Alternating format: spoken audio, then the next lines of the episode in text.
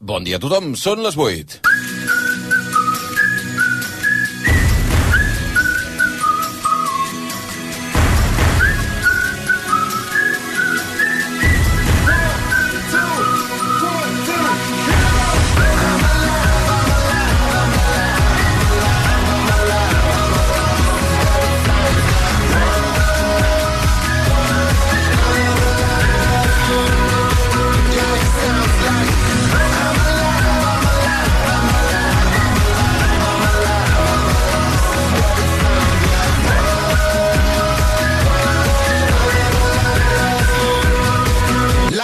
Sounds like Què tal, com esteu? Benvinguts al Via Lliure en aquest matí de dissabte, dia 11 de març del 2023. Ja fa gairebé una hora que tenim el sol en dansa, des que ha tret el cap per Cadeques, o sigui que ja podeu anar-vos llevant. Eh, és, un, unes hores fantàstiques perquè surti el sol, pel que ens llevem d'hora, però ens durarà poc, perquè d'aquí a res, 15 dies ja fem el canvi d'hora, entrarem en horari d'estiu i, per tant, començarem a tenir allò que també ens agrada molt, no? les tardes llargues, però a canvi de veure el sol una mica més tard al matí. Avui que des del punt de vista meteorològic hi ha dues claus importants. La primera, el tema de què parlareu tots, quan sortiu al carrer, quan us trobeu amb gent, si aneu a fer el vermut, el que sigui, la calor, el comentari generalitzat, perquè eh, fixeu-vos que, eh, ja ho dèiem eh, fa una hora, que és que aquestes hores del matí, ara són les 8, a Barcelona, al centre de Barcelona, ja hi ha 19 graus de temperatura, 20 a Tortosa i Amposta, 21 a la Ràpita,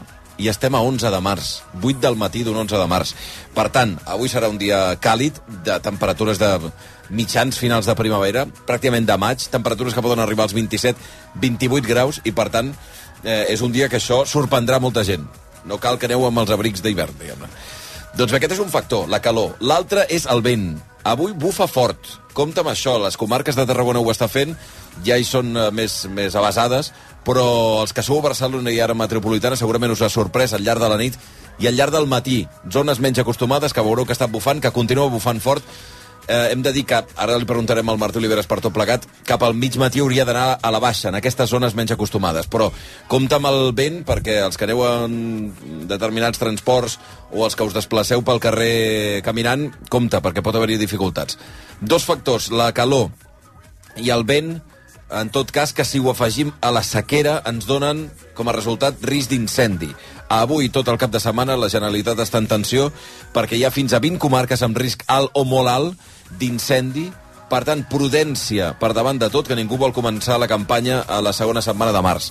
N'estarem al cas, en un dia que bona part de l'atenció se l'endú avui al Barça, de com d'enverinat s'està tornant el cas Negreira, ja sabeu, eh, l'exàrbitre que durant dues dècades va estar cobrant del club, mentre era alt càrrec del Comitè Tècnic Arbitral Espanyol per no se sap ben bé què. Doncs bé, ahir la Fiscalia ja va fer denúncia formal, el cas es judicialitza, va anar ahir un jutjat de Barcelona i va denunciar el club, el Barça, va denunciar Sandro Rossell i Josep Maria Bartomeu com a expresidents, però també Òscar Grau, exdirector esportiu, i Albert Soler, exdirector d'Esports Professionals. Perquè la Fiscalia considera, dèiem, no se sap ben bé per què pagava aquests diners als àrbitres, Fiscalia ho té clar.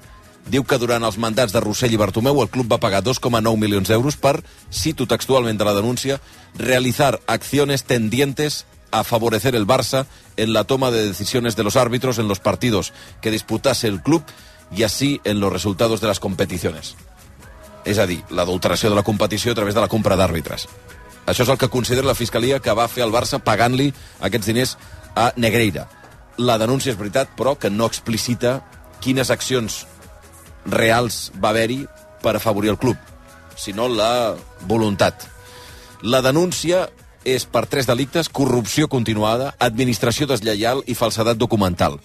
I dèiem que s'inclouen els mandats de Rossell i de Bartomeu, no els de la Porta i de Gaspar, però no perquè hi hagués o no hi hagués delictes, sinó per el pur tecnicisme que és que estan prescrits. No perquè no passés el mateix.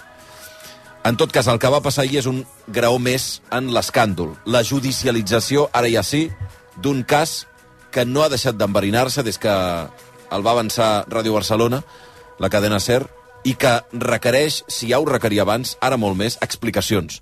Explicacions contundents.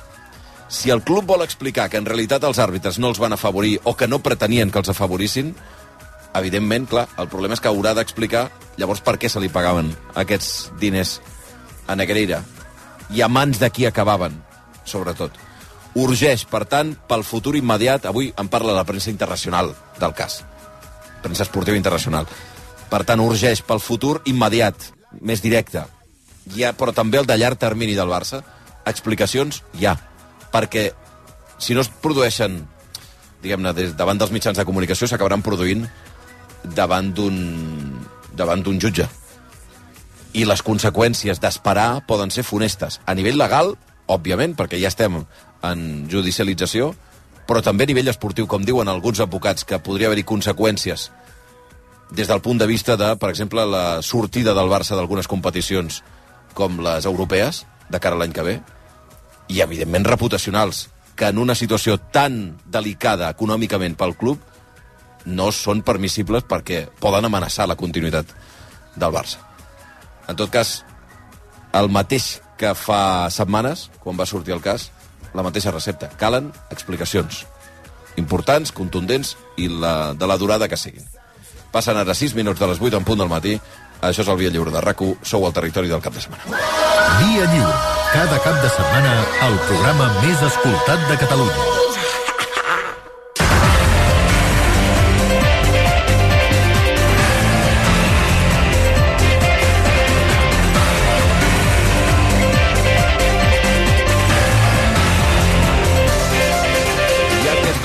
Matí, a les 8 i 6 minuts, la Clara Molins a la sala de màquines dels serveis informatius. De què hem d'estar pendents, Clara? del cas Negreira perquè la Fiscalia acusa el Barça d'un delicte continuat de corrupció per pagar a canvi de favors arbitrals. Ahir va presentar una denúncia contra el club i els expresidents Josep Maria Bartomeu i Sandro Rossell, l'expresident Joan Gaspar i Joan Laporta en queden exclosos perquè els pagaments ja han prescrit. Sobre el cas de la violació a una menor de Badalona, el jutge ha decretat també mig any d'internament en un centre pel jove que va amenaçar de mort el germà de la víctima. El noi va enviar-li, com sabeu, us ho vam explicar aquesta setmana, missatges de WhatsApp dient que l'apunyalaria sortint de l'institut. Els Mossos han identificat, per cert, ja 5 dels 6 agressors. Els hackers del ciberatac a l'Hospital Clínic reclamen un rescat de 4 milions d'euros per no difondre les dades robades. Mentrestant, el govern diu que no acceptarà cap xantatge i els Mossos alerten que és possible que els pirates publiquin les dades a internet encara que treballen per bloquejar-les immediatament. I encara parlant de Mossos, investigaran d'ofici l'autoria dels cartells que van aparèixer dijous en diverses seus d'Esquerra Republicana a Barcelona i que feien befa de l'Alzheimer de l'expresident Pasqual Maragall. I sortia una imatge seva i del seu germà Ernest, candidat a l'alcaldia amb la frase fora l'Alzheimer de Barcelona. I aquesta matinada Shakira ha passat pel late night de Jimmy Fallon a la cadena nord-americana NBC. La cantant colombiana s'ha referit al seu divorci amb l'exfutbolista Gerard Piqué. Ha dit que la cançó en Bizarrap s'ha convertit en un himne per les dones que han viscut la mateixa situació que ella. I pel que fa al temps, el vent continuarà bufant amb cops forts, sobretot fins al migdia a les comarques de Barcelona, a les de Tarragona, a les del sud de Lleida i al Pirineu. Avui també serà notícia la calor que farà per l'època, amb un ambient de maig. Passarem dels 20 graus a gairebé tot el país i ens acostarem als 30 graus a la costa, al prelitoral i a Ponent. Més esports, l'Espanyol jugarà aquest migdia a les dues al Santiago Bernabéu contra el Real Madrid, que encadena tres partits sense guanyar i té la baixa de Benzema. El Barça recupera Lewandowski i Gavi pel partit de demà a Bilbao contra l'Atlètic Club, però no podrà comptar amb Araujo sancionat. I tercera derrota consecutiva del Barça de bàsquet ahir a la pista del Fenerbahce turc en partit d'Eurolliga, 81 a 73. Ara són les 8 i 8 minuts.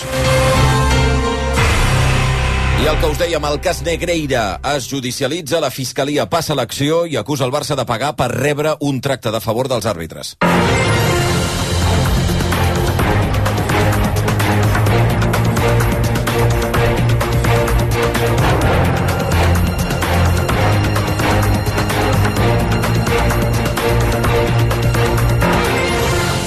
Ser ahir a la tarda, eh, quan eh, la Fiscalia presentava la denúncia al jutjat d'instrucció número 1 de Barcelona, en què apunta que el Futbol Club Barcelona hauria subornat durant anys José María Enríquez Negreira per aconseguir favors arbitrals. La Fiscalia diu que entre el 2001 i el 2018 el club va pagar 7,3 milions d'euros a l'exvicepresident del Comitè Tècnic d'Àrbitres. Tot això s'havia publicat ja, però ahir es va posar negre sobre blanc en una denúncia judicial. Concretament el text diu que els diners anaven destinats a afavorir el Barça en la presa de decisions dels àrbitres en els partits que disputés el club. Ara bé, la denúncia no especifica en quins partits el Barça hauria rebut aquest tracte de favor. Senzillament diu, això és el que va fer el Barça. El Barça va comprar aquests favors arbitrals. L'acusació de la Fiscalia s'adreça cap al mateix club, però també cap als expresidents Josep Maria Bartomeu i Sandro Rossell, entre altres alts càrrecs. Més detalls, Marta Ramon. La denúncia està dirigida contra el Barça i contra cinc persones físiques. L'exvicepresident del Comitè Tècnic d'Àrbitres, José María Enríquez Negreira, dos expresidents del Barça, Josep Maria Bartomeu i Sandro Rossell, l'exdirector executiu del club en Bartomeu, Òscar Grau, i l'exdirector d'Esports Professionals, també en Bartomeu, Albert Soler. En canvi, tant l'expresident Joan Gaspart com el president actual, Joan Laporta, responsables de mandats sota els quals també es van efectuar part dels pagaments, només hauran de declarar com a testimonis perquè els fets, en els seus casos, ja han quedat prescrits. La Fiscalia conclou que l'objectiu dels pagaments milionaris a Enriquez Negreira era afavorir el Barça en la presa de decisions dels àrbitres. La Fiscalia els atribueix a tots ells un delicte continuat de corrupció entre particulars en l'àmbit esportiu, però també hi afegeix el delicte d'administració deslleial als dos expresidents Grau i Soler i de falsedat documental a Enriquez Negreira, Bartomeu, Grau i Soler. Tots els delictes impliquen penes de presó. La denúncia de la Fiscalia admet que es desconeix el destí dels diners que l'entorn de Negreira retirava en efectiu al llarg d'aquests anys. Ara de seguida parlarem dels efectes que pot tenir pel club, més enllà dels particulars. Eh, recordem, com dèiem abans, que el cas, eh, la denúncia es fa contra Bartomeu i Rossell, contra els seus mandats, perquè els anteriors, el de la Porta i el de Gaspart, estan prescrits, no perquè els fets no fossin similars, però en tot cas amb la denúncia que ha formalitzat ara la Fiscalia es posa en marxa la part judicial. És un nivell més ja en tot aquest escàndol. La, el, procés judicial del cas, que a més a més té una, unes conseqüències mediàtiques i reputacionals enormes. Per tant, el calendari judicial tot, tot just acaba de començar. El següent pas serà comprovar si ara el jutge, el jutjat d'instrucció, avala la hipòtesi de fiscalia i continua amb aquesta investigació. De moment els fiscals porten el cas, diuen això és el que creiem, el jutge ho avalua i decideix, doncs, obrim investigació al voltant d'aquesta qüestió. Ho explicava el Tu diràs de rac l'advocat penalista Marc Molins.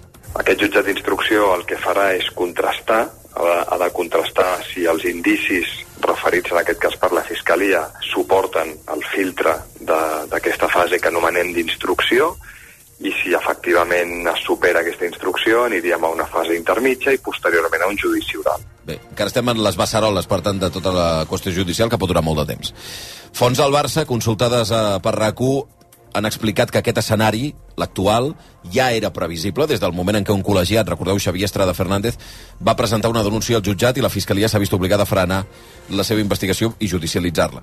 Des del Barça també mantenen que l'opinió del fiscal que re recull la, la denúncia no és més que una hipòtesi preliminar i ara, com explicava Marc Molins, s'inicia pròpiament la investigació ju- judicial i aquí és on s'ha de confirmar o rebutjar les hipòtesis i el Barça contribuirà, diu, en la investigació en tot allò que faci falta. El club ha fet servir a rac també que reitera que mai no ha comprat cap àrbitre ni ha pretès influir en les decisions arbitrals. La pregunta és, senzillament, si això és així, per tant, caldria alguna explicació de i per què es va estar 20 anys pagant a un senyor que era vicepresident del Comitè Tècnic d'Àrbitres. La- Avui la premsa editada a Catalunya també es mou en, en termes de mantenir la prudència, però avisa de la factura que el cas passarà a la imatge del club. Per exemple, Mundo Deportivo, Migueli diu que cal deixar que la justícia faci el seu curs. Alexis Racioner apunta que el club està institucionalment tocat i la imatge es va devaluant. A l'esport, el director Lluís Mascaró posa pressió al president Laporta, que diu ha de reaccionar i convocar d'urgència una roda de premsa per explicar la veritat. Pel que fa a la premsa editada a Madrid, els diaris generalistes són els que més fort ataquen al Barça. L'editorial El Mundo es pregunta si la Lliga, la Federació i la UEFA poden acceptar que un club investigat en seu judicial amb proves diu incontestables d'haver comprat àrbitres durant 18 anys, si ho pot permetre, i el cap d'esports, Orfeo Suárez, ja reclama a la porta que posi el càrrec a disposició dels socis. Mentrestant, la Razón apunta que la justícia ha d'arribar fins al final davant d'unes imputacions tan greus perquè taquen tot l'esport espanyol, parlant eh, tots ells del major escàndol de la història del futbol espanyol. També en parla la premsa internacional, per exemple, el francès L'Equip, que destaca que el Barça i dos expresidents estan inculpats per corrupció, mentre l'argentí Olé deixa a l'aire una altra pregunta. Es fa aquesta pregunta en portada. Un Barça sense Champions? Doncs bé, sobre aquesta qüestió, dèiem, efectes que pot tenir esportius pel club. Els, alguns experts apunten que sí que el delicte continuat de corrupció entre particulars en l'àmbit esportiu pot tenir conseqüències eh, esportives. Paral·lelament al procés de la justícia ordinària, la UEFA podria castigar el Barça, per exemple, excloent-lo de les competicions. De fet, amb el reclamer a la mà, diuen aquests experts, no cal ni tan sols que hi hagi una sentència ferma, perquè eh, la UEFA pugui reaccionar així. Pot considerar, sense esperar el veredicte, que, o que s'arribi a provocar aquesta ingerència esportiva del que es denuncia, que la reputació de la competició queda malmesa i, per tant, excloure el club de la competició. I en aquest sentit, el reglament de la Champions, de l'Europa League i la Conference League estipula que els clubs participants no poden estar implicats de cap manera en l'alteració il·lícita de partits tant a nivell nacional com internacional. Ho resumia, també el tu diràs, l'advocat especialitzat en dret esportiu Josep Vandellós. que una conducta pugui constituir o no un il·lícit penal no impedeix que aquesta mateixa conducta o fet pugui contravenir els reglaments en aquest cas de la UEFA. Eh, penseu que no a tots els països la corrupció esportiva és delicte. Eh, per tant, imagineu-vos el, problema que suposaria per la UEFA només poder sancionar conductes d'aquest tipus si constituïssin una infracció o un il·lícit penal. Uh, parlava, per tant, aquest expert, Josep Vandellós, expert en dret esportiu, les conseqüències que pot tenir l'exclusió del Barça de competicions com la Champions, uh, i desca no descartava tampoc d'altres conseqüències més extremes esportives, com el descens de categoria o la més remota i més difícil, fins i tot la dissolució del club. En tot cas, en l'àmbit judicial, els advocats consideren que si el cas arribés a judici, el Barça podria haver d'afrontar una multa econòmica, a part de les penes individuals que tenen cada acusat. I encara una novetat judicial més eh, vinculada amb el Barça, de tot això en parlarem de seguida. En temps de tertúlia, de quines conseqüències pot haver-hi, parlarem amb experts eh, penals, eh, penalistes, amb experts en dret esportiu, també amb periodistes esportius, per veure com veuen la situació després que s'hagi eh, complicat tantíssim, però en tot cas una novetat judicial més vinculada al Barça, Josep Maria Bartomeu i la seva mà dreta, Jaume Masferrer, també aniran a judici, en aquest cas pel cas Barçagate. Sabeu, les injúries i calúmnies eh, que mm, su se sospita que des del club es llançaven a través de, a través de les xarxes. Doncs bé, la jutgessa els asseurà al banc dels els acusats per una querella que va presentar Jaume Roures precisament d'injúries i calúmnies. Aquesta és la branca secundària del cas Barçagate, que continua en la seva fase d'instrucció. L'expresident del Barça i l'adjunt a la presidència hauran de respondre, per tant, per un delicte continuat d'injúries greus en publicitat arran d'aquesta querella de Roures. La titular del jutjat d'instrucció número 13 de Barcelona, Alejandra Gil, a més els imposa una fiança de 100.000 euros. El director de general de Mediapro Recordeu que va querellar-se contra el club arran d'aquests missatges negatius contra ell que publicaven diversos perfils de xarxes socials que després es va saber que estaven gestionats pel grup Nice Stream, contractat pel Barça entre l'any 17 i 2020 i que es dedicava no només a fer missatges positius en general del club, sinó a desprestigiar figures de l'entorn blaugrana que eren incòmodes per la directiva. També, el tu diràs, Roures va atacar Bartomeu i Masferrer pel seu rol al capdavant d'aquesta trama. Que això és el que s'ha de valorar en definitiva. A mi les tonteries que se li acudia a tota aquesta gentussa començant pel Barto i acabant per Nice Stream doncs, doncs no em rellisca bastant. Però primera no és permissible que des d'un club es tirin els diners amb aquestes coses i després una de veure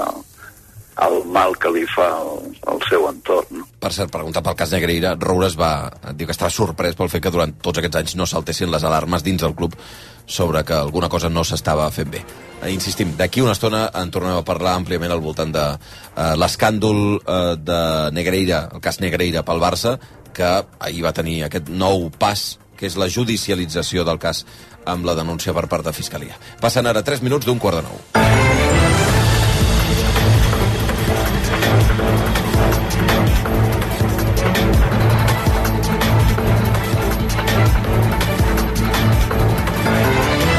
També decisions judicials en un altre dels casos que han commocionat eh, l'opinió pública catalana al llarg d'aquesta setmana, el cas de, de la violació a una menor per part d'uns menors a la ciutat de Badalona aquesta setmana, eh, que s'ha sabut aquesta setmana, però que es va produir al novembre. Doncs bé, el jutge ha decretat mig any d'internament en un centre pel jove, també menor d'edat, que va amenaçar de mort el germà d'aquesta víctima de la violació a Badalona. Recordeu que el noi li va enviar missatges al mòbil dient-li que l'apunyalaria quan sortís de l'institut perquè amb aquesta denúncia que havien fet un noi havia acabat en un centre de menors. Els Mossos d'Esquadra han identificat, per cert, cinc dels sis agressors al centre comercial màgic de Badalona i treballen per trobar el sisè que hauria participat en aquesta violació grupal. Maria Costa.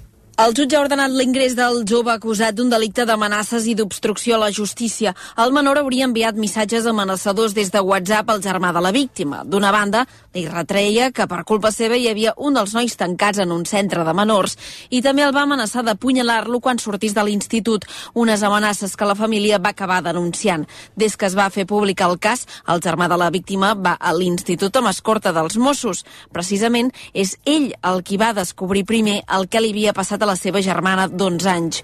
Dels sis agressors, n'hi ha cinc identificats. Un està en un centre per a menors, un altre està en llibertat vigilada i els tres restants no es poden imputar perquè són menors de 14 anys. Com funcionen, però, aquests centres d'internament de menors on estan ingressats aquests nois? Doncs bé, a la pràctica, diuen els experts, és com una presó. Ahir el nou c de rac en van donar detalls de quin procés segueixen en aquesta tipologia de centres. Pep Tormos. N'hi ha de masculins i de femenins, però majoritàriament els ocupen nois d'entre 14 i 17 anys, abans que siguin majors d'edat. En alguns els separen per edats i en d'altres no. L'exvicepresident del Col·legi d'Educadores i Educadors Socials de Catalunya, Lluís Vila, va explicar al nou c com funcionen. Són com presons, el que passa que doncs, tant les unitats de convivència com les activitats quotidianes i de tractament, doncs la intervenció socioeducativa està molt més present. La responsabilitat penal pels adolescents es determina amb un temps d'internament que decideix el jutge. Vila creu que sovint no coincideix amb el procés maduratiu dels infants. És mica artificial, dic amb sis mesos, perquè el jutge ha dit sis mesos, doncs s'han d'haver pogut resoldre, si és que es poden resoldre, una sèrie de, de situacions que poden ser doncs, de desestructuracions des de la petita infància amb nuclis familiars desnats, poden ser problemes de salut mental, pot ser una societat absolutament masclista. Els centres d'internament de menors tenen equips de tractament, psicòlegs, educadors i equips de seguretat per si hi ha conductes agressives. Gràcies, Pep. Doncs bé, avui precisament eh, el diari El Periódico parla de, fi, de les conseqüències que ha tingut tota aquesta eh, circumstància per, eh, eh, per, per tot l'entorn educatiu també de, que té a veure amb la, amb la víctima i amb, els, i amb els pròxims a la víctima, eh, explica, com ja hem anat explicant, ha explicat també l'Anna Poncell llarg d'aquesta setmana, que en l'institut del germà feia pràcticament dos mesos que el vídeo corria, el vídeo de la violació, i per tant que l'havien vist bona part dels alumnes, i que diu que aquesta setmana en aquestes escoles, on estudien la víctima i els agressors, han decidit parlar amb els alumnes sobre violència sexual.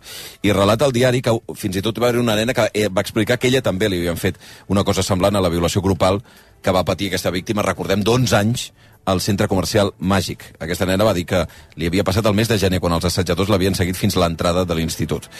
Per tant, aquesta és una de les conclusions que també treu el diari. Quan es parlen dels casos, els casos afloren, els casos surten.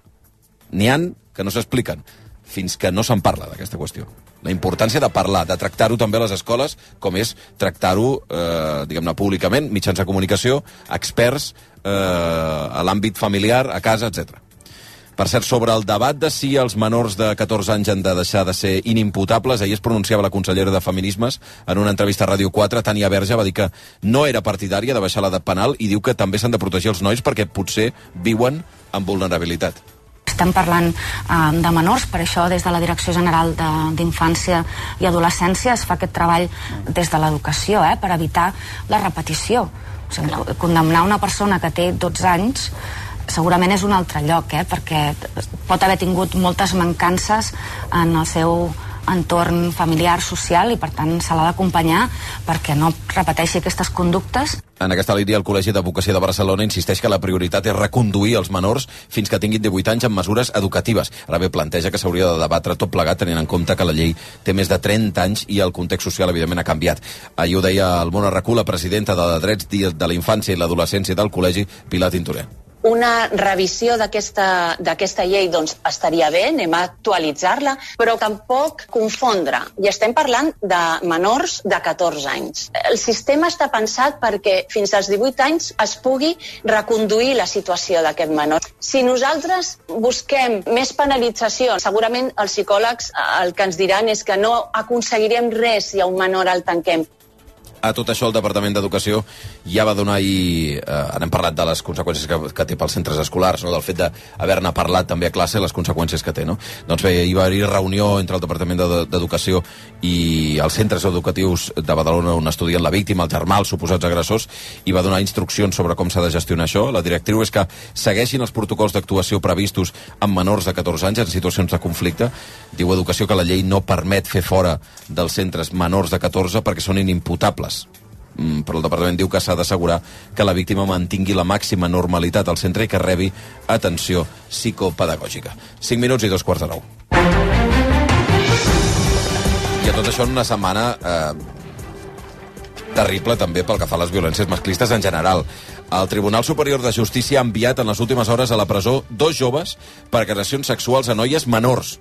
Tots dos hi han entrat de forma provisional i sense fiança. Un d'ells, un jove cineasta d'Alcover, Aurora Rodríguez. Segons el Tribunal Superior de Justícia, Martí Guard, de 23 anys, hauria abusat durant dos anys d'una noia que ara en té 14. La jutgessa va practicar ahir l'exploració de la menor i va prendre declaració al detingut. L'acusa d'un presumpte delicte continuat d'agressió sexual a menor. I l'altre empresonat és un jove de 21 anys acusat d'agredir-ne una...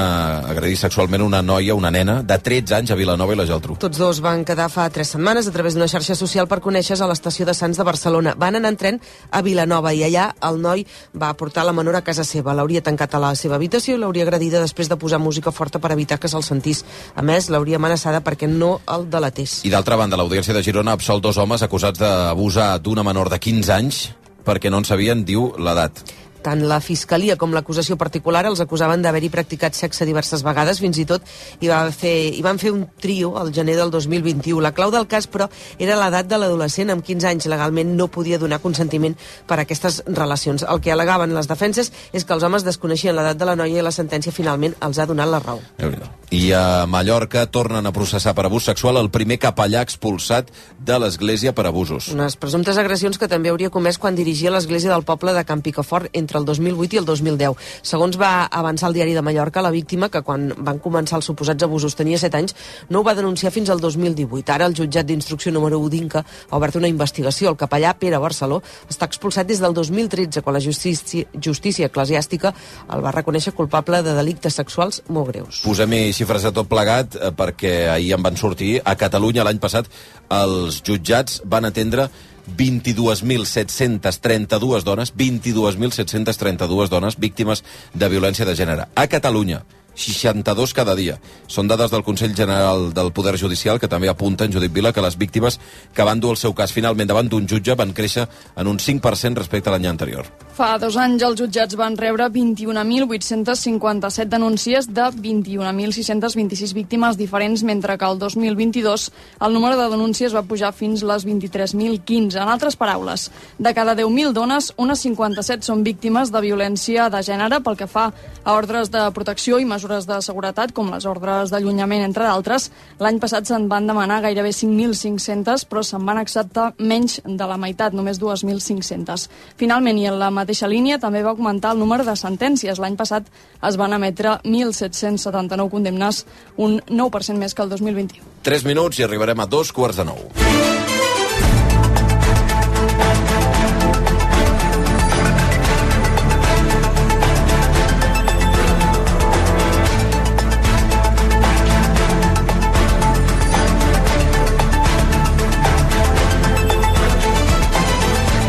En un cap de setmana que segurament bona part de la conversa quan sortiu al carrer, quan parleu amb els amics, amb els familiars, aneu a prendre un vermut, us passegeu per, a, per, fi, per qualsevol zona del país, serà, noi, quina calor que fa. Cap de setmana que està marcat per temperatures inusuals en aquesta època de l'any. Avui és 11 de març, recordeu, quan eh, sortiu al carrer amb mànigues de camisa, perquè avui farà calor de finals de primavera. Ens anticipem, per tant, Meteorològicament podríem dir, Martí Oliveres, bon dia. Bon dia. Un parell de mesos, ben bé. És temperatura de maig. Sí, sí, gairebé. Aquest ambient d'avançada primavera que respirarem a moltes comarques aquest migdia, a primeres hores de la tarda, es podrien acostar a algunes zones del país als 28 o 29 graus. Temperatures insòlites al març a Catalunya. Hem de pensar que normalment els primers 30 graus a Catalunya arriben al voltant del 10-15 de maig durant molts anys. De fet, l'any passat va ser el 10 de maig el primer dia en tenir 30 graus a Catalunya. Avui no seria d'estranyar eh, que alguna temperatura temperatures se'n puguin anar una mica de mare i arribem a aquests 28 o 29 graus, o sigui que podríem parlar d'alguns rècords de calor al mes de març a casa nostra, temperatures molt altes també a la resta de l'interior, però sobretot serà la costa, costa de Barcelona, de l'Ebre, de Tarragona, puntualment cap al Pla de Lleida, aquestes màximes al voltant o per sobre dels 25 graus, a més, amb un vent que ha de continuar bufant amb força i que això ens fa estar pendents del perill d'incendi forestal. Per tant, calor importantíssim al llarg d'aquest cap de setmana, i em parlaves del perill d'incendi forestal, ara en parlarem, mm. però és que hi ha un altre factor que segur que no hi ajuda, que és el vent. Avui molta gent s'haurà llevat, hi ha comarques que ja és habitual que en faci vent, però d'altres que no, per exemple, en tota la zona de, del, del Barcelonès. Uh, bufa fort, no sé fins quan ha de durar i de quina intensitat estem parlant. Doncs mira, d'aquesta matinada, aquest matí, continua bufant amb ganes a la capital catalana, 85 km per hora fa una estona al barri de Gràcia de Barcelona, 77 a Badalona, 70 molts punts del Maresme, Mataró, Premià de Mar. S'han superat puntualment els 100 km per hora en zones de muntanya de les comarques de Barcelona, com el massís de Montserrat, 106 km per hora també el Pirineu. No és un bon dia per fer activitats a l'alta muntanya perquè aquest vent del nord i del nord-oest impacta amb força a la serralada pirinenca.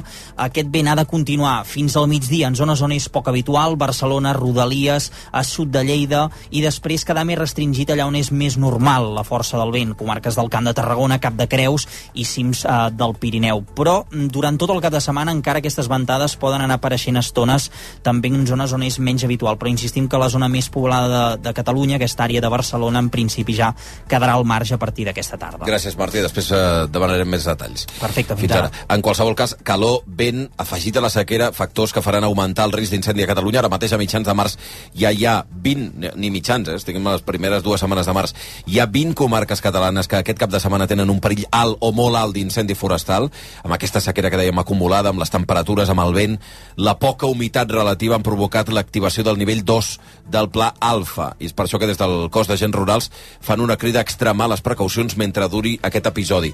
L'inspector en cap, Josep Antoni Mur, detallava a rac algunes de les mesures. No fer foc en cap cas, però també extremar les precaucions quan es faci ús d'eines manuals que poden, puguin produir fregaments o també quan s'utilitzi algun tipus de maquinària motor que pugui ocasionar punts de calor o temperatures altes perquè es poden donar les, les condicions que hi haurà serà perquè qualsevol petita guspira pugui provocar un incendi.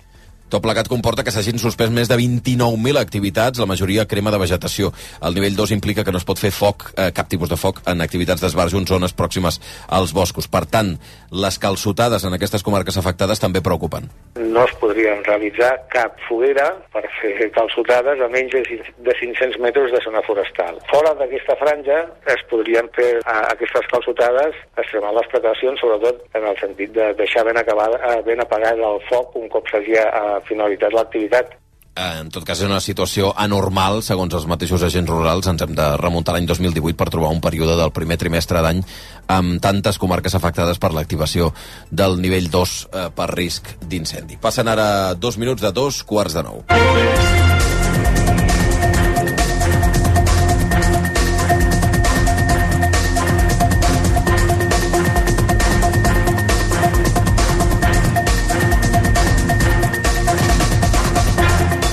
Dèiem, dos minuts de dos quarts de nou del matí. I atenció que aquesta matinada Shakira ha passat per un dels programes més importants del món de l'entreteniment als Estats Units, el Tonight Show de Jimmy Fallon.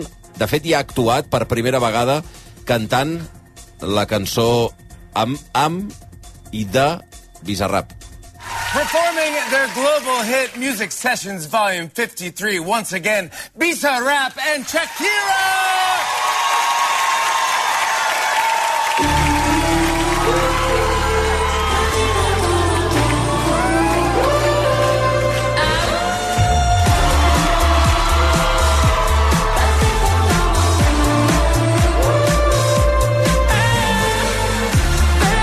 Doncs aquesta era l'entrada de, de Shakira, eh, que no només ha fet l'actuació, la primera que fa en Bizarrap, en aquest cas en un dels programes de, de més èxit als Estats Units, com és el show de Jimmy Fallon, sinó que també ha donat entrevista. Han fet l'entrevista prèvia i ha tret pit de la cançó diu que s'ha convertit en un gran himne per totes les dones que han patit el mateix que ella i un cop més ha parlat sense embuts de com l'ha afectat la seva separació amb Gerard Piqué. Durant l'entrevista amb Jimmy Fallon, Shakira ha deixat clar que l'últim any ha estat molt dur per ella, precisament pel seu divorci de l'ex-blaurana Gerard Piqué. La colombiana ha explicat que fer la cançó li ha servit per poder canalitzar totes les seves emocions i també ha volgut agrair el suport, sobretot de les seves seguidores i a totes aquelles que s'han vist reflectides amb el que li ha passat. You know, I've had a very rough year. Um, He tingut un any molt dur després de la meva separació. Escriure la cançó ha sigut molt important per mi. Ha sigut una manera sana de canalitzar les meves emocions.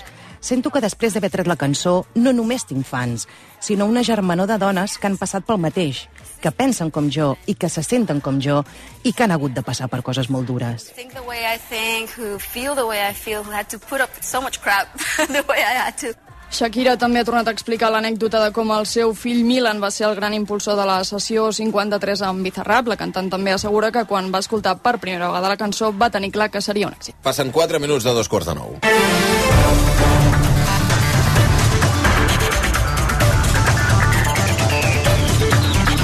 En plana política, finalment ja hi ha aprovació dels pressupostos de la Generalitat, va ser ahir, i té un doble efecte polític. D'una banda, plana el camí perquè Pere Aragonès esgoti la legislatura i de l'altra consuma aquest canvi de joc que es va viure ahir en les aliances al Parlament. Junts insisteix que el suport de PSC i Comuns als comptes d'Esquerra representa un retorn al tripartit, mentre la CUP redobla pressió per una qüestió de confiança. Els copaires denuncien que el pacte entre Esquerra i socialistes han fet caure per exemple, la renda garantida, mesura que els anticapitalistes havien pactat justament per investir Pere Aragonès. El fet és que el president respira més alleugerit després de mesos de negociacions, Sílvia Solanes. Just després de l'aprovació dels pressupostos, Aragonès somraia des del seu escó. Va ser Salvador Illa qui va anar a donar-li la mà a ell i a la consellera d'Economia. I després, tant el president com Illa van fer el mateix amb el Biac. Aragonès i la consellera Natàlia Mas agraïen el suport alhora que no renunciaven a futurs pactes amb l'independentisme. Són uns bons pressupostos i, evidentment, doncs, els grups parlamentaris amb què hem estat eh, negociant per aconseguir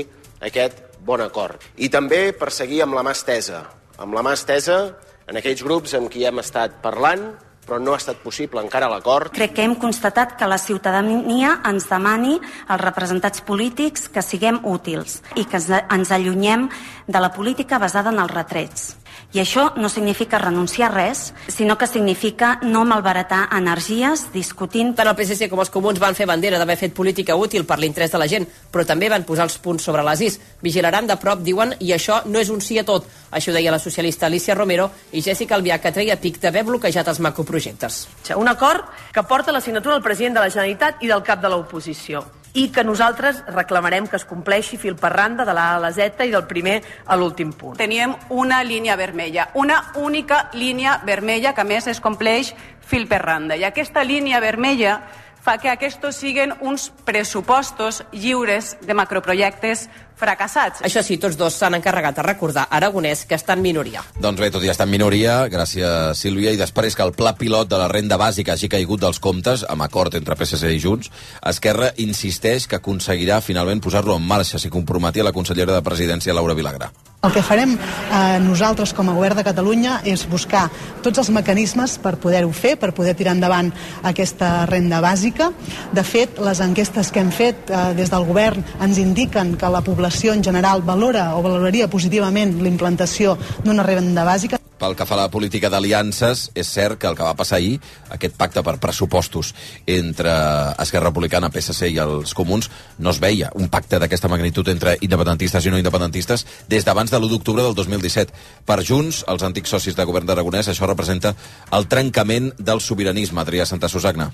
Les relacions entre els partits independentistes no són bones, però el debat va evidenciar que han tocat fons. Albert Batet, de Junts per Catalunya, treia l'espantall del tripartit i acusava Aragonès de tornar a l'autonomisme. Avui se segella el tripartit, que ja veurem si acabarà com un guirigall. Aquest acord servirà per fer més autonomisme i nosaltres volíem uns pressupostos per fer país. La CUP s'afegia a les crítiques del govern dient que no han fet el gir a l'esquerra que havien promès. Eulàlia Reguant, però, també repartia contra Junts. Senyor Batet, que els pressupostos anteriors no eren autonomistes.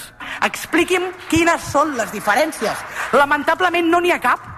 Aquest és el problema, que no n'hi ha cap de diferència. Serien exactament els mateixos pressupostos si vostès continuessin a govern. Les relacions entre tots tres partits tampoc fa pinta que millorin els propers mesos i menys amb les eleccions municipals a l'horitzó. En tot cas, eh, gràcies Adrià, i amb els comptes i a la butxaca, Aragonès emprèn avui un viatge oficial de 10 dies per Sud-amèrica. Visitarà Colòmbia, Argentina, Xile, l'Uruguai, en companyia, evidentment, de la consellera d'Acció Exterior, Meritxell Serret, amb una gira que està centrada en l'àmbit econòmic, de cooperació per la pau, de memòria històrica de drets humans.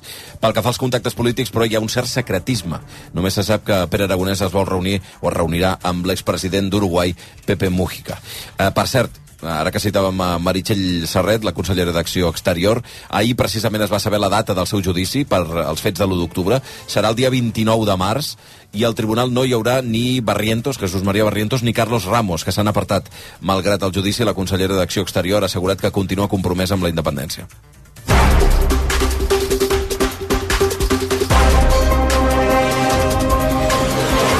Encara sobre l'1 d'octubre, el referèndum del 17, Òmnium Cultural eh, explica aquest matí que demana que s'imputin, ho hem sabut fa poca estona, demana que s'imputin una dotzena de policies espanyols més en la macrocausa per les càrregues de l'1 d'octubre a Barcelona. L'entitat argumenta que l'operatiu va ometre totalment les exigències del Tribunal Superior de Justícia, que deia textualment que calia garantir la convivència ciutadana i el lliure exercici de vot durant la jornada. Òmnium considera que els agents van actuar de manera no protocolària, lesiva i vexatòria, i tot amb el permís dels superiors. Per tant, demana una dotzena d'imputacions més entre policies espanyols per la macrocausa de les càrregues de l'1 d'octubre. Ara citàvem l'aprovació dels pressupostos, eh, en parlàvem ara fa uns, eh, uns instants.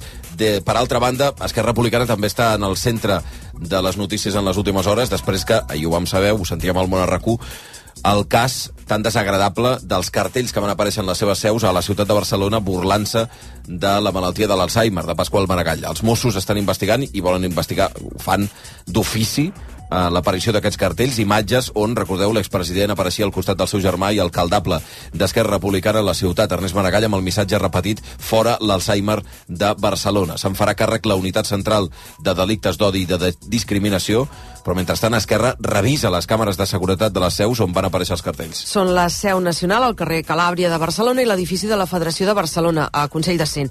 En aquest edifici, un militant del partit assegura que va veure tres persones de mitjana edat penjant els cartells. Ernest Maragall ho definia ahir com un acte de violència política, però sense assenyalar l'entorn de cap partit. L'alcaldable diu que abans de presentar denúncia als Mossos espera saber més detalls d'aquesta campanya. Ho explicava en una entrevista al Món a RAC1. Això és una ofensa, no, no, no és el major germà, evidentment ho és, o a mi mateix. És els centenars de milers de malalts d'Alzheimer que podem tenir en el país, al món, i que, diguéssim, són utilitzats com a moneda de canvi per un atac polític de la pitjor manera. El conseller d'Interior, Joan Ignasi Helena, ha qualificat l'atac de fastigós i tots els partits han donat públicament suport als germans Maragall. Pel que fa a la política espanyola, Pedro Sánchez canviarà les dues ministres que se'n van de candidates a ajuntaments al llarg d'aquest cap de setmana o a tot estirar a principis de la setmana que ve. A priori es descarta una gran crisi de govern, però ningú garanteix que hi pugui haver més canvis, venint sobretot de Pedro Sánchez, que cada cop que hi ha una crisi de govern canvia més gent de la que semblava que havia de ser. Les que segur que sortiran de l'executiu, i això es confirmarà les pròximes hores, són la ministra d'Indústria, Reyes Maroto, candidata socialista a l'Ajuntament de Madrid, i la titular de Sanitat, Carolina Dàries, que serà alcaldable a les Palmes. Madrid, Jordi Armenteres, bon dia. Sí, bon dia. Tothom admet la incertesa de la crisi de govern que es precipitarà en breu. L'únic que segur és que surten de Moncloa Dàries i Maroto, però ningú garanteix que els canvis es limitin a aquests dos recordant que la potestat de fer els canvis és única de Pedro Sánchez i ja hi ha hagut sorpreses en el passat. La intenció del president espanyol és completar la remodelació de manera ràpida, ara sí, per afrontar el proper comitè federal del PSOE, que és dissabte que ve, 18 de març, amb el govern nou, així ho expliquen fons del partit. Hi ha ministres assenyalats, sobretot Irene Montero i Pilar Llop, pels problemes que ha comportat la llei del només sí a sí, però a priori Montero està protegida pel pacte de govern amb Podem i des del PSOE el que s'explica és que seria inviable sacrificar Llop i no Montero assumint, per tant, una culpa que no els toca al 100%. Gràcies, Armenteres. Eh, mentrestant, la, la política espanyola gira al voltant del nou sistema de càlcul de les pensions que s'està negociant i que la intenció, va explicar ahir el govern d'Espanya, és que tingui dos models que han de conviure durant 20 anys, incrementant les pensions sobretot a les dones i a priori estabilitzant el sistema. Una dada, 39 de cada 100 euros dels pressupostos de l'Estat són per les pensions i es busca, per tant, eh, és un dels problemes des de fa molts anys, la manera de finançar-ho i estabilitzar-ho. Com es pagaran les pensions del futur? Doncs bé, sembla que amb un increment de les cotitzacions generals de tots els treballadors, i especialment les rendes més altes, les majors de 4.500 euros. El pacte tancat en Brussel·les es negociarà amb patronal i sindicats. Pedro Sánchez ahir, que era a Barcelona, deia que han trobat el sistema i que la Comissió Europea ja ho avala. Una reforma de pensiones que va a garantizar el poder adquisitivo de los pensionistas, va a reforzar la equidad, la equidad del sistema y finalmente lo que va a hacer es garantizar la sostenibilidad del sistema público de pensiones para las próximas décadas. Clar, fa molt de temps que es planteja com es pot pagar les pensions, tenint en compte l'envelliment de la població i, i des d'aquest punt de vista l'encariment, per tant, de les pensions. Hi ha un increment significatiu del mecanisme del que anomenen equitat intergeneracional, que ja paguem des de l'1 de gener a totes les nòmines. Aquest percentatge, que ara és del 0,6%, anirà pujant progressivament. Madrid, Roger Perciba, molt bon dia.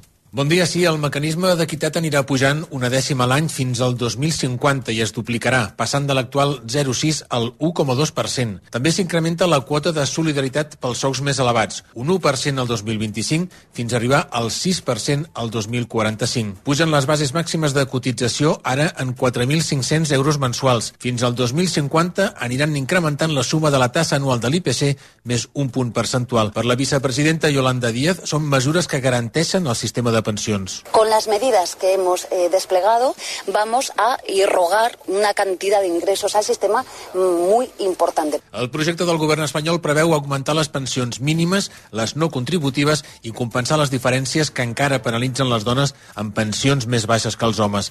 El període de temps per calcular les pensions serà mix. Es podrà escollir o 25 anys com fins ara o ampliar-ho a 29 amb la possibilitat d'excloure dos anys del còmput, els dos anys amb menors ingressos. La patronal en canvi, suposa la proposta del Ministeri, diu que el govern només intenta recaptar més diners. De fet, la COE adverteix que el pacte de pensions que s'ha tancat en Brussel·les és inviable per, perquè afecta les contribucions empresarials al sistema i que això pot provocar un daltabaix que frena o que pot frenar la recuperació econòmica. Els sindicats, mm, per altra banda, diuen el contrari. Eh, tornant a Madrid, Jordi Armenteres, Sí, les principals patronals el que diu, i ho fan de manera textual en un comunicat, és que mostren la més frontal oposició a tot el projecte. Diuen que provocarà una caiguda dels salaris de tots els treballadors, que incrementarà costos laborals i que posarà en perill, per tant, la creació d'ocupació.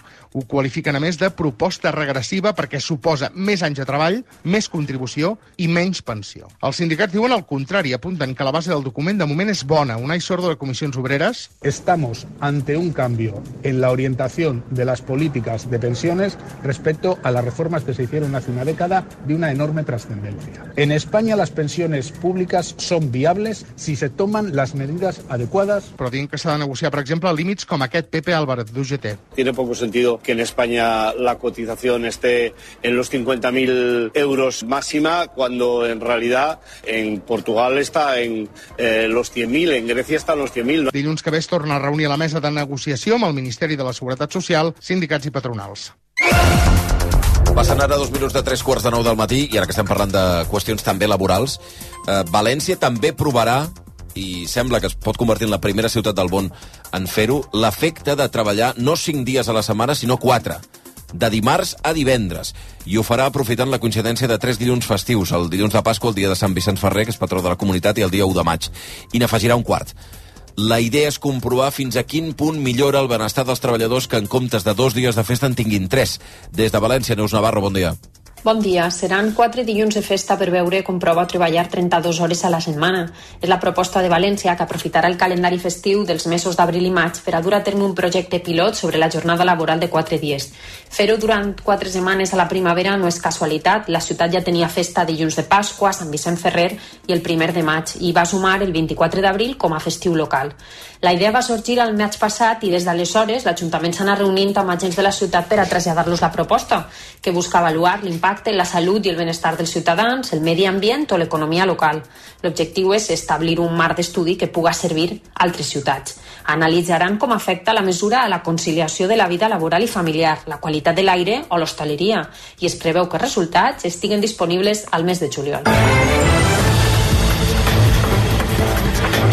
Passant 3 minuts de 3 quarts de 9 del matí, en el dia que avui és el segon i darrer dia de dol a Súria per la mort dels tres geòlegs a la mina de Cabanasses. I eh, dos d'ells eh, compaginaven la feina a la, a la mina amb un doctorat i un màster. I el tercer era un estudiant en pràctiques que també estava estudiant un màster. Ara els Mossos estan investigant les causes de l'accident, però des dels sindicats i el comitè d'empresa diuen que la mina és segura i que un accident com aquest no es pot preveure. Ahir centenars de persones van participar al minut de silenci en record dels tres nois que tenien 28, 29 i 31 anys. Allà hi era l'Anna Hernández. Anna, bon dia.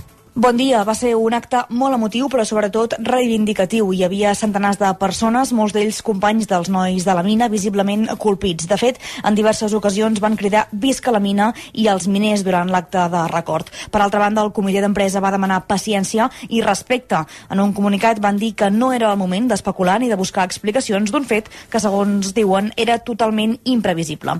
En aquest sentit, el secretari de la Unió Sindical Obrera de Catalunya, el sindicat majoritari de la mina de Súria, Àngel Ángel Garrido, deia que ni amb la màxima precaució s'hauria pogut evitar aquest desenllaç. No hay actualmente ninguna forma de preverlo desde la superficie, porque a 900 metros no hay nada que te pueda avisar, cuidado, que eso hay una grieta, no. Per tot plegat van reivindicar una vegada i una altra que la mina cada vegada és més segura. Tot i això, deien, arribaran fins al final de la investigació per esclarir què va poder passar i veure després si es poden prendre més mesures per minimitzar encara més els riscos. També ahir, gràcies, Anna, lluny de Súria hi havia d'altres homenatges, per exemple, a les universitats on els tres geòlegs estudiaven. 10 minuts i les 9. Una altra de les notícies que han marcat la setmana, el ciberatac a l'Hospital Clínic. Doncs bé, tenim notícia perquè és que els ciberatacants demanen 4 milions i mig de dòlars a l'hospital a canvi de no publicar les dades robades, 4,4 milions 200.000, concretament, euros. I per demostrar que no van en fals, els pirates han fet arribar una imatge de l'arbre del directori general de l'hospital. En total es calcula que han robat més de 4 terabytes d'informació. El govern diu que de cap manera acceptarà el xantatge, que no pensa pagar res. Ho deia el secretari de Telecomunicacions i Transformació Digital, Sergi Marcén. Ens han fet arribar una nota dient-nos que ens demanen 4,5 milions de dòlars per eh, alliberar i no publicar les dades que han pogut agafar. Segons el que ens han fet arribar, eh, com us vaig dir l'altre dia, no hi ha cap tipus de negociació amb ells i el govern no pagarà ni un cèntim per això.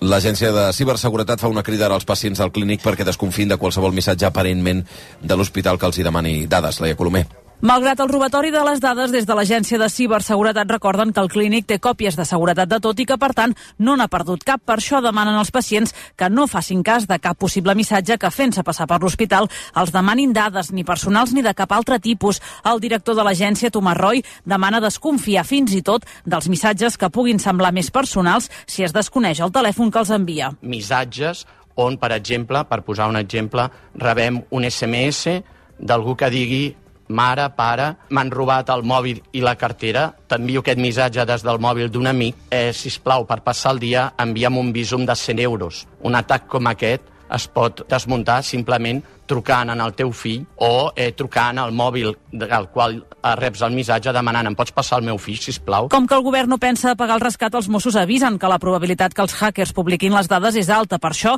treballen per bloquejar-les tan bon punt això passi. Mentre en aquest cap de setmana els informàtics que continuaran treballant per eh, intentar tornar-ho a posar tot allò que al clínic i que dilluns, a tot estirar dimarts, l'hospital pugui recuperar tota l'activitat. Ahir tot just estaven fent, eh, estaven poder fer la meitat de les visites a consultes externes i els pacients prioritaris de radioteràpia es continuaven derivant als hospitals de Sant Pau i la Vall d'Hebron. De fet, aquest, eh, aquesta setmana el ciberatac ha ajornat 4.000 analítiques ambulatòries, unes 300 intervencions i més d'11.000 visites als especialistes. I un parell de punts en plana de successos a Catalunya. Els Mossos investiguen la mort violenta d'un home a Cantallops, a l'Alt Empordà. Els agents van trobar el seu cos sense vida i amb un tret al pit. El van trobar ahir en una masia del municipi gràcies a l'avís que va donar un amic seu cap a quarts d'onze del matí. La víctima és un home de 36 anys i per ara no hi ha detinguts ni es coneixen més detalls del cas que ja es troba sota secret de sumari. I en plana internacional, el Regne Unit pagarà més de 500 milions d'euros a França per evitar que arribin migrants al país a través del canal de la Mànega. És el principal acord al qual van arribar ahir Rishi Sunak i Emmanuel Macron després de trobar-se a l'Elisi. París rebrà els diners, aquests 500 milions, al llarg de 3 anys per augmentar la vigilància, contractar més personal i crear un centre de detenció. El primer ministre britànic argumentava que amb aquestes mesures evitaran les màfies que trafiquen en persones. L'Emanuel i jo compartim la mateixa creença. Les màfies no haurien de decidir qui ve als nostres països. Poques setmanes després d'arribar al càrrec, vam acordar l'acord més gran de vaixells petits i avui hem portat la nostra cooperació a un nivell sense precedents per afrontar aquest problema compartit. França també desplegarà 500 policies a les platges del pas de Calais. Per cert, eh, encara hi ha hagut un, un problema important al Regne Unit al voltant de la política migratòria eh, i que ha generat molta controvèrsia. La BBC ha decidit apartar Gary Lineker, diu momentàniament, com a presentador del programa Match of the Day, després que el qui va ser jugador del Barça comparés a través de Twitter les polítiques migratòries del govern britànic amb les de l'Alemanya nazi. De moment, la versió oficial és que serà una mesura temporal fins que arribin un acord sobre els límits d'ús de les xarxes socials. Eh, la BBC, però, ja ha anunciat que el programa d'avui només s'emetran imatges de partits sense presentadors ni col·laboradors, perquè alguns dels companys de Lineker, Ian Wright o Alan Shearer, han deixat clar que no es posaran davant les càmeres com a mostra de solidaritat amb el seu amic. A les 8 i 54. I un apunt més en plana internacional, la policia alemanya descarta que l'autor del tiroteig que va deixar 8 morts en una església dels testimonis de Jehovà d'Hamburg aquesta setmana tingués motivacions terroristes. Les autoritats defensen que no tenien cap sospita que s'estigués radicalitzant ni tampoc tenia antecedents penals. Tot i això, la policia va admetre que van rebre una denúncia anònima en la qual els advertien que l'autor del tiroteig podria tenir problemes mentals i podria suposar una amenaça.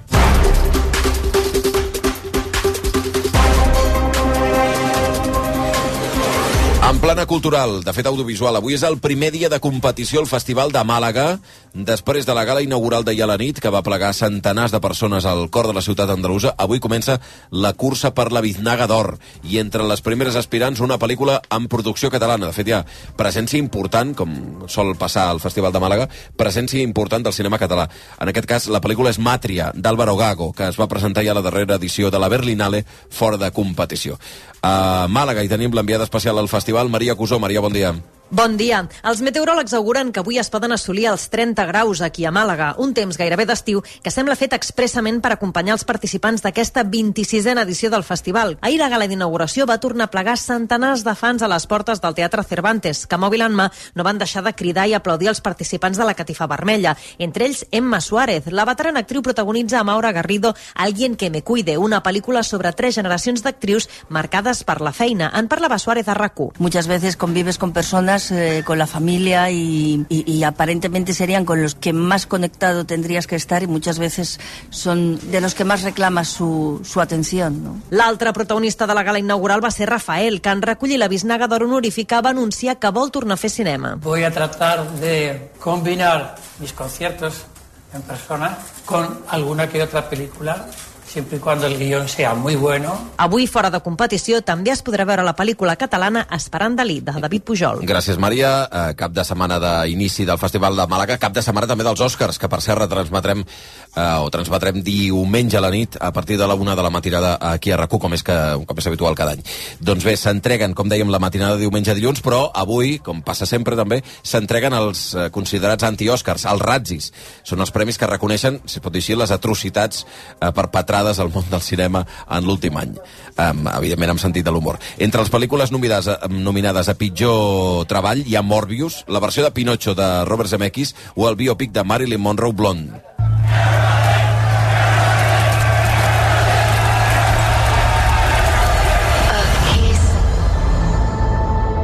on the hand. How'd you get your start? Baby, what start? De fet, la pel·lícula que ha servit perquè Anna de Armas estigui, de fet, nominada a millor actriu als Òscar és el llargmetratge amb més nominacions al Rasi. No deixa de ser curiós. En té 8. Entre elles a pitjor guió, pitjor director, dues pitjors actors secundaris i dues nominacions per pitjors parelles en pantalla.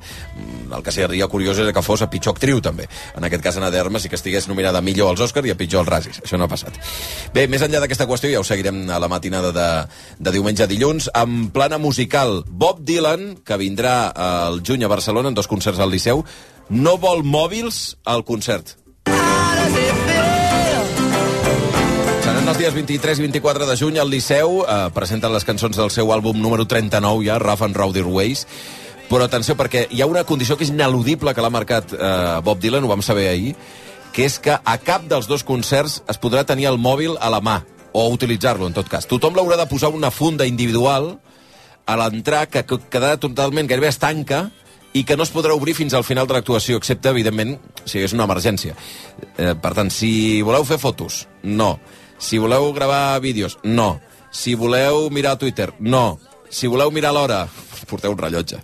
Doncs aquesta és la condició de Bob Dylan que hauríem de plantejar-nos si s'ha d'aplicar en d'altres llocs, també. Bé, molta gent ha reaccionat a l'anunci dels concerts, entre ells eh, la Ludwig Band, que sabeu que ens encanten. La banda va agafar el tuit en què s'explicava la notícia i van prometre que si la piulada que feien arribava a 5.000 likes, ells farien també un concert de Dylan, de versions de Dylan, el mateix dia a la Rambla, és a dir, davant de, del Liceu. I, efectivament, la Ludwig Band tenir, va tenir més de 5.000 likes, 5.600, i a la nit ja estaven penjant un altre tuit dient ja estem fent la setlist, quines, quines posem?